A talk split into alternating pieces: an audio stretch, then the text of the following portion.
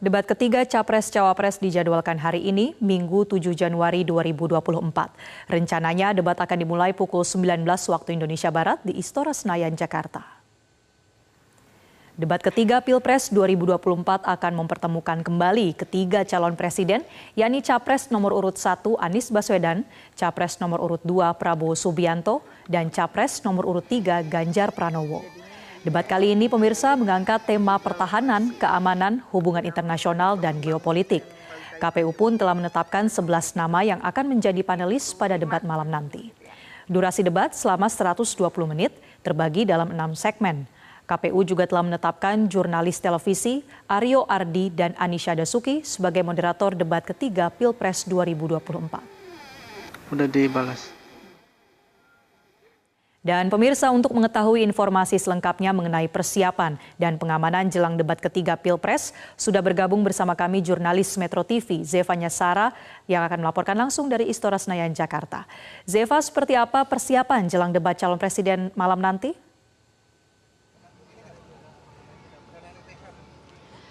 Marcel, kalau bisa kita gambarkan saat ini situasi di Istora Senayan, Jakarta, di dalam gedung Istora Senayan Jakarta sendiri nampaknya ini sedang dilakukan persiapan check sound begitu. Dan biasanya beberapa jam sebelum uh, sebelum pelaksanaan debat ini dimulai uh, biasanya dari pihak KPU ini akan melaksanakan yang namanya gladi bersih untuk memastikan kembali susunan jalannya pelaksanaan debat malam nanti. Kalau dari area luar, Marcel kalau kita lihat juga ini ada dua tenda begitu yang sudah didirikan, satu tenda untuk para awak media bersiaga uh, memantau kedatangan para capres capres uh, maupun cawapres serta tamu-tamu undangan dan satu tendanya lagi ini lengkap dengan dekorasinya ini berada di depan pintu Istora Senayan Jakarta yang uh, nanti digunakan untuk para capres uh, mampir sejenak ketika tiba di Istora untuk menyapa para awak media. Nantinya debat ini akan dimulai pada pukul 19.00 waktu Indonesia Barat dan tadi temanya juga sudah disebutkan begitu terkait dengan pertahanan, keamanan, uh, hubungan internasional dan juga geopolitik. Uh, mekanismenya juga sama dengan dengan debat-debat sebelumnya, yakni durasi debat 120 menit terbagi dalam enam segmen. Namun ada beberapa poin yang berbeda begitu, yang mana ini juga menjadi evaluasi dari pihak KPU.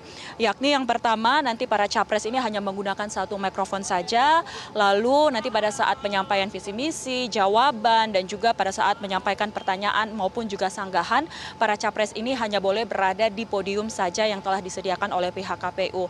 Poin selanjutnya yaitu para capres ketika dipersilakan untuk bertanya tidak boleh menggunakan uh, singkatan begitu.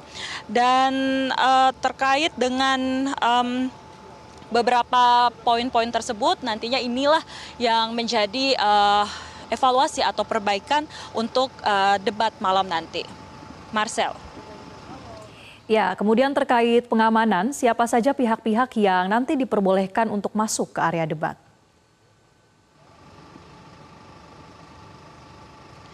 Iya, Marcel terkait dengan uh, pengamanan begitu memang uh, cukup ketat untuk siapa saja yang diperbolehkan masuk ke dalam uh, lokasi debat uh, selain tamu undangan dan juga uh, simpatisan dari para capres maupun cawapres yang berjumlah 75 orang per paslonnya yang boleh diperbolehkan masuk juga adalah orang-orang atau media yang sudah mendapatkan ID khusus dari pihak KPU. Dan kami juga memantau untuk pengamanan untuk siang hari ini dari pihak kepolisian khususnya ini sudah mulai uh, bersiaga begitu khususnya dari unsur uh, satuan BRIMOB begitu kami pantau sudah ada sekitar ratusan yang sudah tiba di Istora Senayan ini dan mulai menyisir di sekitar kawasan Istora Senayan. Nah, terkait juga dengan uh, penerapan rekayasa arus lalu lintas memang pihak kepolisian telah menyiapkan beberapa skenario begitu namun akan diterapkan uh, situasional tergantung dengan bagaimana situasi di lapangan.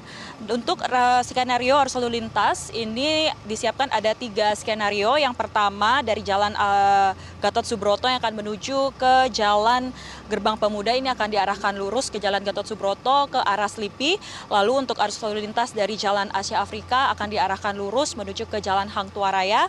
Dan yang terakhir adalah arus lalu lintas yang uh, dari Bundaran Senayan yang akan menuju ke Jalan Pintu Senayan ini akan diarahkan lurus ke Jalan Jenderal Sudirman. Lalu dari 12 pintu masuk ke kawasan Gelora Bung Karno hanya empat pintu yang akan dibuka di mana untuk pintu 5 dan 8 hanya digunakan untuk akses keluar dan pintu 7 dan 10 hanya digunakan untuk akses keluar masuk. Untuk sementara dari Istora Senayan, kembali ke Anda di Studio Marcel. Baik, terima kasih jurnalis Metro TV Zevanya Sara atas laporan Anda. Jelajahi cara baru mendapatkan informasi. Download Metro TV Extend sekarang.